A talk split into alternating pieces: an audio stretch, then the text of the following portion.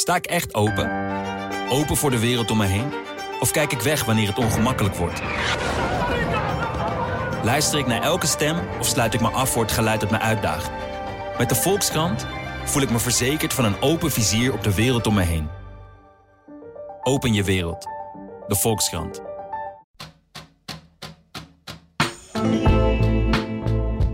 moord, doodslag, liquidatiepogingen en drugslabs. Ook in Twente gebeuren zaken die het daglicht niet kunnen verdragen. In de Tubantia Crime Podcast bespreek ik, Frank Bussink, samen met misdaadverslaggevers Erwin Waanders en Maarten Schoon de ontwikkelingen in de Twentse onderwereld.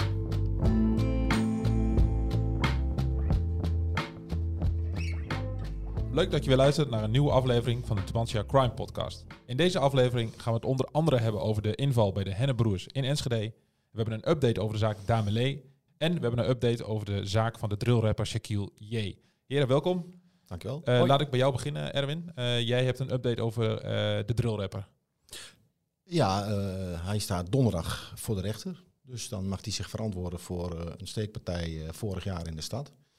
Waarbij eh, Quinn uit Enschede zwaar gewond raakte. En waar we onlangs het, eh, ja, het uitgebreide verhaal van hebben gehad. eh, van de vader van Quinn die op zoek is gegaan naar de verdachte. In dit geval dus Shaquille J. En dan gaan we misschien horen wat er precies heeft gespeeld. Waarom de dingen zijn gegaan zoals ze zijn gegaan. Mhm. Wat verwacht jij van die zaak?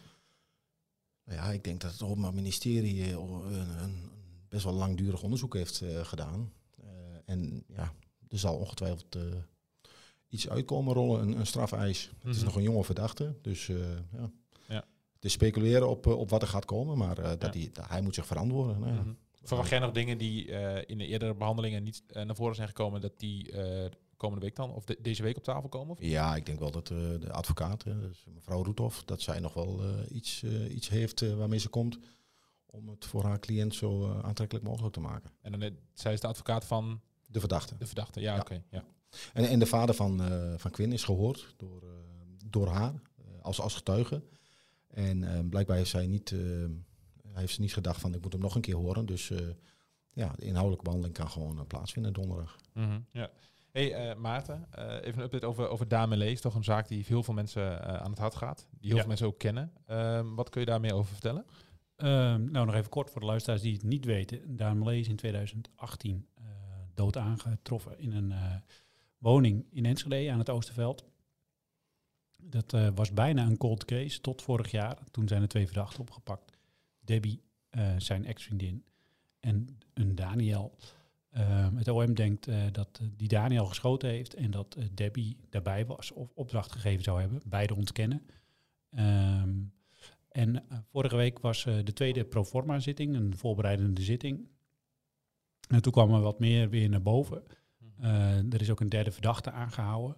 Eh, een Bart de J, een eh, 31-jarige man uit Hengelo. Ehm, volgens justitie, waar hij van verdacht wordt, is officieel nog niet bekendgemaakt. Maar wat je hoorde tijdens de zitting, en wat ook advocaten een beetje zeiden, was van eh, hij zou eh, die Daniel dan ja, een les hebben gegeven hoe die eh, iemand kon eh, doodschieten met een wapen. En dan Mhm. zonder dat er sporen van, van zouden zijn. Hij- Ja. Hij zou in ieder geval betrokken zijn bij de ehm, moord van Damelee. Wat ook bijzonder was, ehm, de vriendin van Bart Dier, eh, die is dan een van de nieuwe getuigen eh, in deze zaak. Ehm, haar initialen zijn AH, dus laten we daar maar even bij eh, houden. Mhm. Zij zou gechat hebben onder een valse naam, Marco Denis. En daarmee zou ze ook ehm, eh, zichzelf belast hebben. Dus eh, zij zou het wapen weggemaakt eh, hebben, of die Marco Denis zou dat dan gedaan hebben. Ehm, en zij deed dus ook uit de doeken via de chat nou ja, wat de rol van die Bart was. En ehm, wat de rol van Debbie zou zijn en wat de rol van die Daniel zou zijn. Dus Debbie eh, zou volgens die chat opdracht hebben gegeven tot de moord. En eh, daar zouden ze dan 500 euro voor krijgen. 500 euro, dat is... Het is wat gezegd wordt. Ja, Ja. Dit, is, eh, ja dit, is, dit staat nog niet vast hè, dat dit allemaal echt zo gegaan is. Dit is wat gezegd zou zijn in die Mhm. digitale chat. Eh, de advocaat van eh, Daniel eh, V, dat is meester Hoevers uit Utrecht, die noemde dit digitale roddel en achterklap. Mhm, Ja, Ehm, uiteraard zou ik bijna zeggen. ja ik Het zeggen, het is zijn logisch om, te, om ja. hem te verdedigen. Ehm, maar goed, het mocht niet baten. In zoverre de rechtbank besloot dat beide verdachten in ieder geval nog vast blijven zitten tot de volgende zitting in juli. Mhm. En of Bart de J daar ook bij is, dat is nog niet bekend. De justitie wilde dat wel, dat ze dan, om de zaak bij elkaar te houden, dat er dus drie verdachten tegelijk berecht eh, zouden worden. Ja. Wat verwacht jij verder van deze zaak? Je hebt het nu over juli. Wa- Wat gaat er dan nog gebeuren?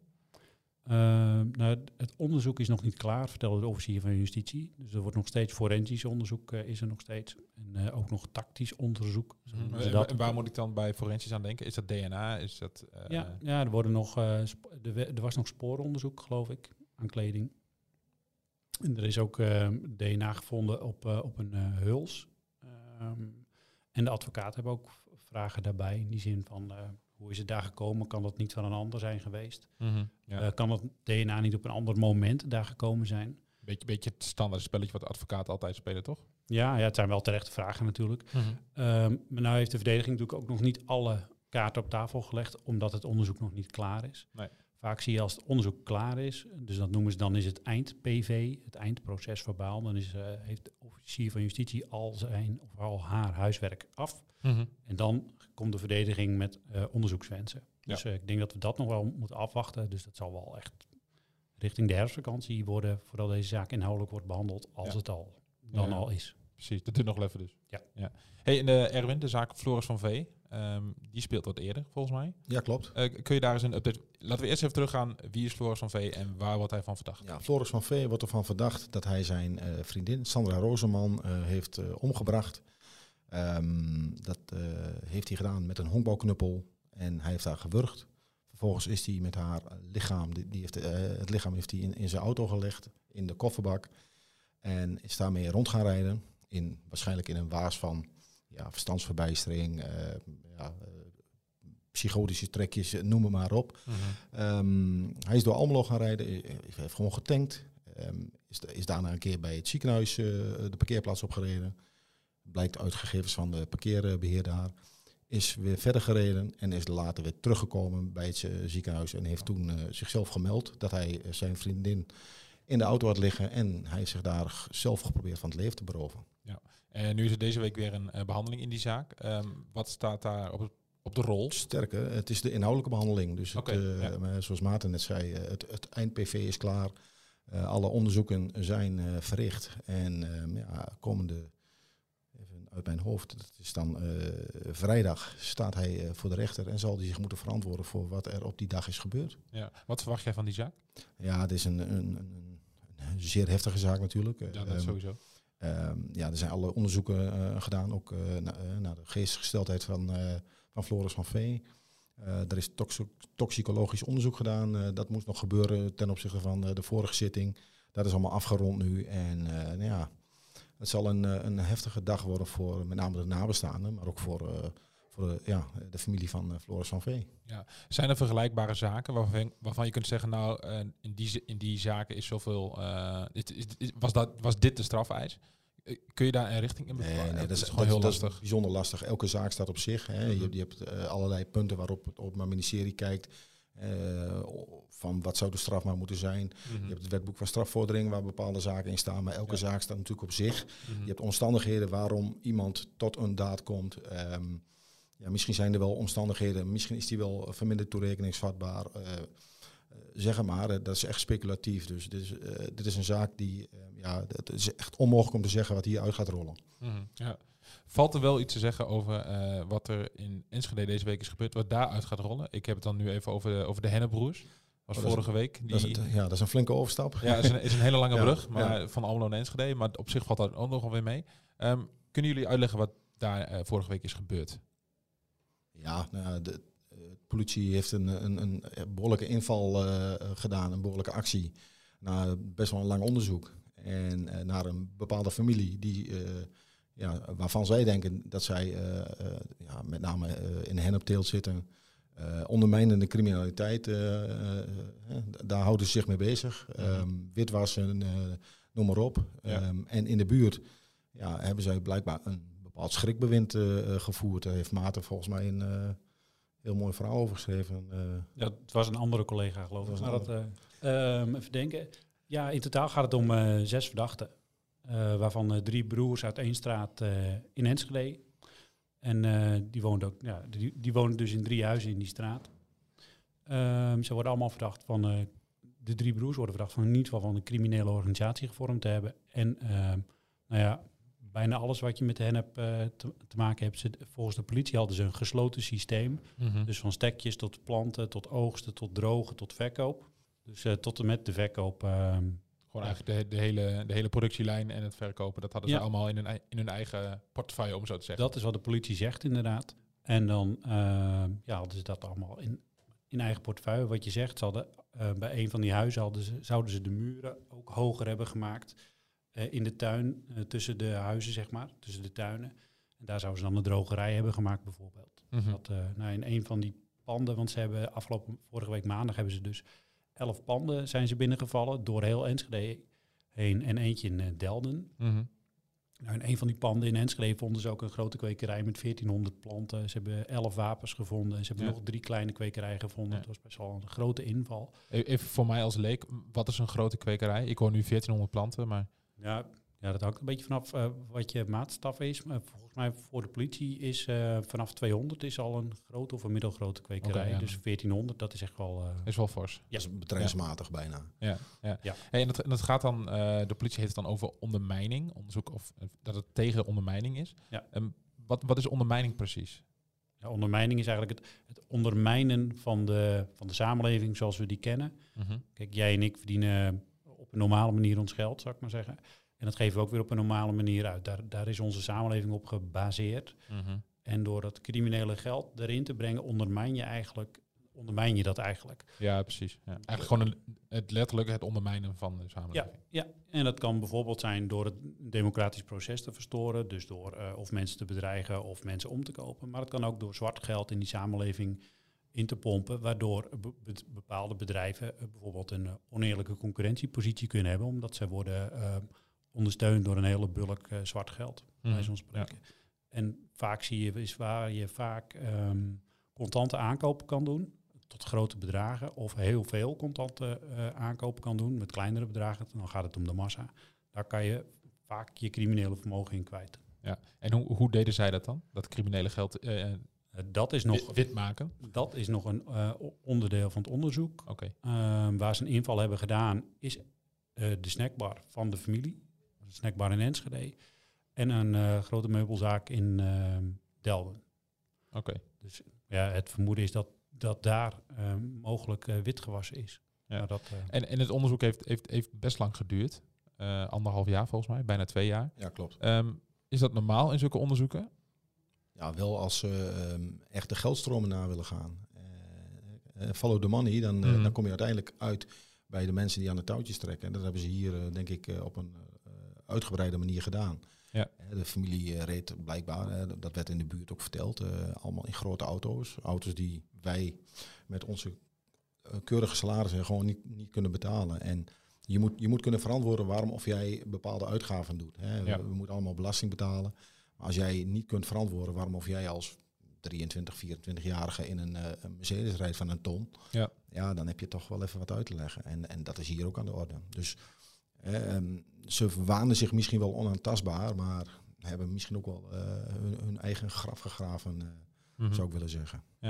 Weten jullie waar de politie nu nog meer naar kijkt? Want jullie, Maarten, jij zegt ze zijn nog bezig met het onderzoek. Waar, waar wordt dan nu naar gekeken? Weet je dat? ja, ik, denk maar, ik denk dat ze alle eindjes gaan uitlopen verder. Dus ehm, wie eh, zijn er nog meer betrokken geweest bij die hennepkwekerijen? Ehm aan wie hebben ze verkocht? Ja. Ehm, zoals ik het nu een beetje meekrijg, waren zij dus... ehm, nou ja, ze, ze, ze produceerden het, hè, ze waren de boer. Mhm. En, eh, maar het moet op een gegeven moment ook naar de supermarkt en dan gaat het naar de klanten. Dus eh, Ja. wie, wie was het distributiecentrum? Ik Mhm. denk dat de politie dat ook wel wil weten. En Gewoon een beetje het, het, het netwerk. eh, En natuurlijk alle sporen ehm, ja, veiligstellen, zeg maar. De Mhm. verdachten zitten nu eh, in voorlopige hechtenis. Afgelopen eh, donderdag waren ze bij de rechtercommissaris. Toen is een voorarrest voor 14 dagen verlengd. Ehm, van vier van de zes verdachten in ieder geval.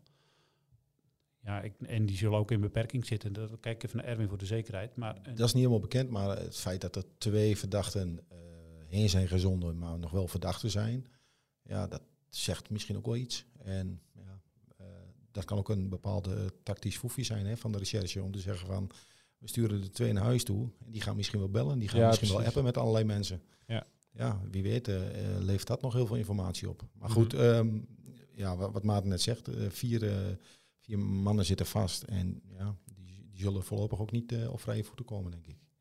Ja, dat is aan de, even kijken, de Raadkamer Gevangenhouding beslist er dan volgende week weer over. Ja. Dus dat, eh, Mhm. en dan zal Ja. het gaan eh, over 30 dagen, 60 dagen, 90 dagen. Oh, dat wordt telkens wordt dat... eh, Ja, me- meestal gaat het in tranches van of meteen 90 of 30, 60, zeg maar. maar ja, precies. Ja, dat wo- wordt langzaam iets meer. Ja. Ja, precies. Hebben jullie verder nog zaken waar, waarvan je zegt, hier moeten we het nog even over hebben? Nou Ja, als je het over ondermijning hebt, eh, er zijn ook een, een vader en zoon eh, aangehouden in Enschede. Die worden v- verdacht van betrokkenheid bij het eh, faciliteren van eh, plofkraken in, eh, in Duitsland met name, eh, Mhm. in het Roergebied. Ja. Ehm, ja, de, de vader was een, is een bekende Enschede, eh, is een letselschade-specialist die ook al eerder eh, met justitie in aanraking is geweest. En, en de zoon die is ehm, ja, in, in het nieuws geweest omdat hij aan de Deurningenstraat met een peperdure Audi RS6 een, een woning is binnengereden. En ja, goed, we krijgen het niet helemaal, eh, eh, nog helemaal spits, maar misschien heeft juist het feit dat hij met een peperdure Audi, eh, die jongen was op dat moment 18 of 19, eh, dat hij met zo'n peperdure auto eh, ergens naar binnen rijdt, is dat misschien wel de trigger geweest voor Ja. justitie, eh, politie en justitie om te kijken van, hey, hoe zit dat? Ja. Waar komt dit vandaan? Ja. Ehm, maar goed, het- in de buurt kijken ze er niet van op dat, dat ze zich met duistere zaken bezighouden, maar ze hadden niet gedacht dat het om plofkraken ging. Want ja, dat zijn natuurlijk gewoon levensgevaarlijke exercities die ze uitvoeren. En ehm, die jongens, of die, die man en die jongen, die zitten dan vast in Nederland of zitten ze vast in Duitsland? Want Die voor- zitten, die zitten vast in Nederland. Ze Oké. zijn in, in, in Nederland eh, aangehouden. Oké, omdat, omdat het gaat om, om eh, plofkraken, in Du- vooral om, in Duitsland. Ja. Is het dan niet zo dat de politie in Duitsland zegt van, goh, we willen graag... Het kan zijn dat Du- Duitsland een, een, een eh, rechtshulpverzoek eh, eh, indient en, en vraagt om uitlevering naar, eh, naar Duitsland. Eh, als de zaak in Duitsland wordt gedraaid. eh Ja. Kijk, heel veel plofkraken in Duitsland worden eh, ja, toch gepleegd door eh, Nederlandse criminelen. Mhm. met name rond Utrecht zit, zit een, eh, echt een bende die, eh, die al meer, meerdere keren waar, waar leden van voor de rechter zijn geweest. Mhm. Ehm, ja, dus het, het is maar de vraag of dat verzoek er al ligt. Ik weet ook niet of het verzoek tot aanhouding via Duitsland is ge- gekomen. Hè, dat Nee. de Nederlandse politie is ingeschakeld. Mhm. Dus dat zal het onderzoek moeten uitwijzen. Maar ja, dit, daar komt ongetwijfeld nog eens iets meer over. Ja, want waar worden zij precies van verdacht? Eh, het faciliteren, dus het, het regelen van auto's, eh, snelle auto's voor, eh, die uiteindelijk gebruikt werden voor plofkraken. Mhm. Ja, dan, dan komt natuurlijk de vraag van, ja, kun je dat weten als je een auto levert? Ja. Maar goed, als je met bepaalde mensen in bepaalde kringen verkeert, dan weet je echt wel, als ze op zoek zijn naar alleen maar snelle auto's. En je, je krijgt het ongetwijfeld een keer meer via radio of televisie als je geen krant leest. eh, eh, het zij via internet. Ja. Ja, dat, die auto's worden gebruikt voor, eh, vaak voor, voor vervelende dingen. Ja. Dan kun je doen alsof je neus bloedt, maar eigenlijk weet je wel gewoon beter. Ja, dat is, dat is heel naïef. Eh, als, je, als je denkt dat, eh, dat, het, ja, dat het niet werkt, dan... eh, Ja. Ja. Nee, precies. Jij nog dingen, Maarten, waarvan je zegt, die moeten we nog even bespreken? Ja, in de categorie kent u deze nog?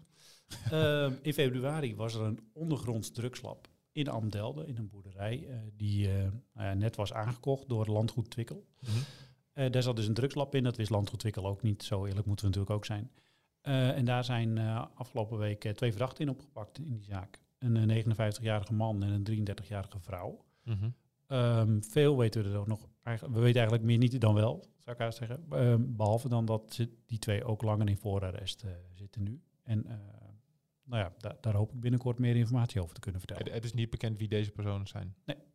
Oké, Het zou niet kunnen dat eh, niet zo kunnen zijn dat het die. Wat was volgens mij een vrouw die voordat Twikkel het eh, overnam. Klopt. Die het dan eh huurde, Mhm. of uitbaten eigenlijk. Ja. Dat was een mevrouw uit Duitsland. Dus ik ga er even achteraan om te kijken, hoe zit dit nou? Ja, precies.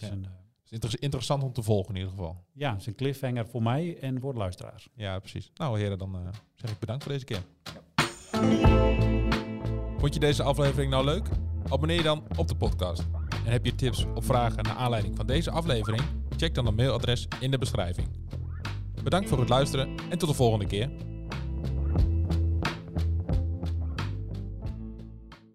Sta ik echt open? Open voor de wereld om me heen? Of kijk ik weg wanneer het ongemakkelijk wordt? Luister ik naar elke stem of sluit ik me af voor het geluid dat me uitdaagt? Met de Volkskrant voel ik me verzekerd van een open vizier op de wereld om me heen.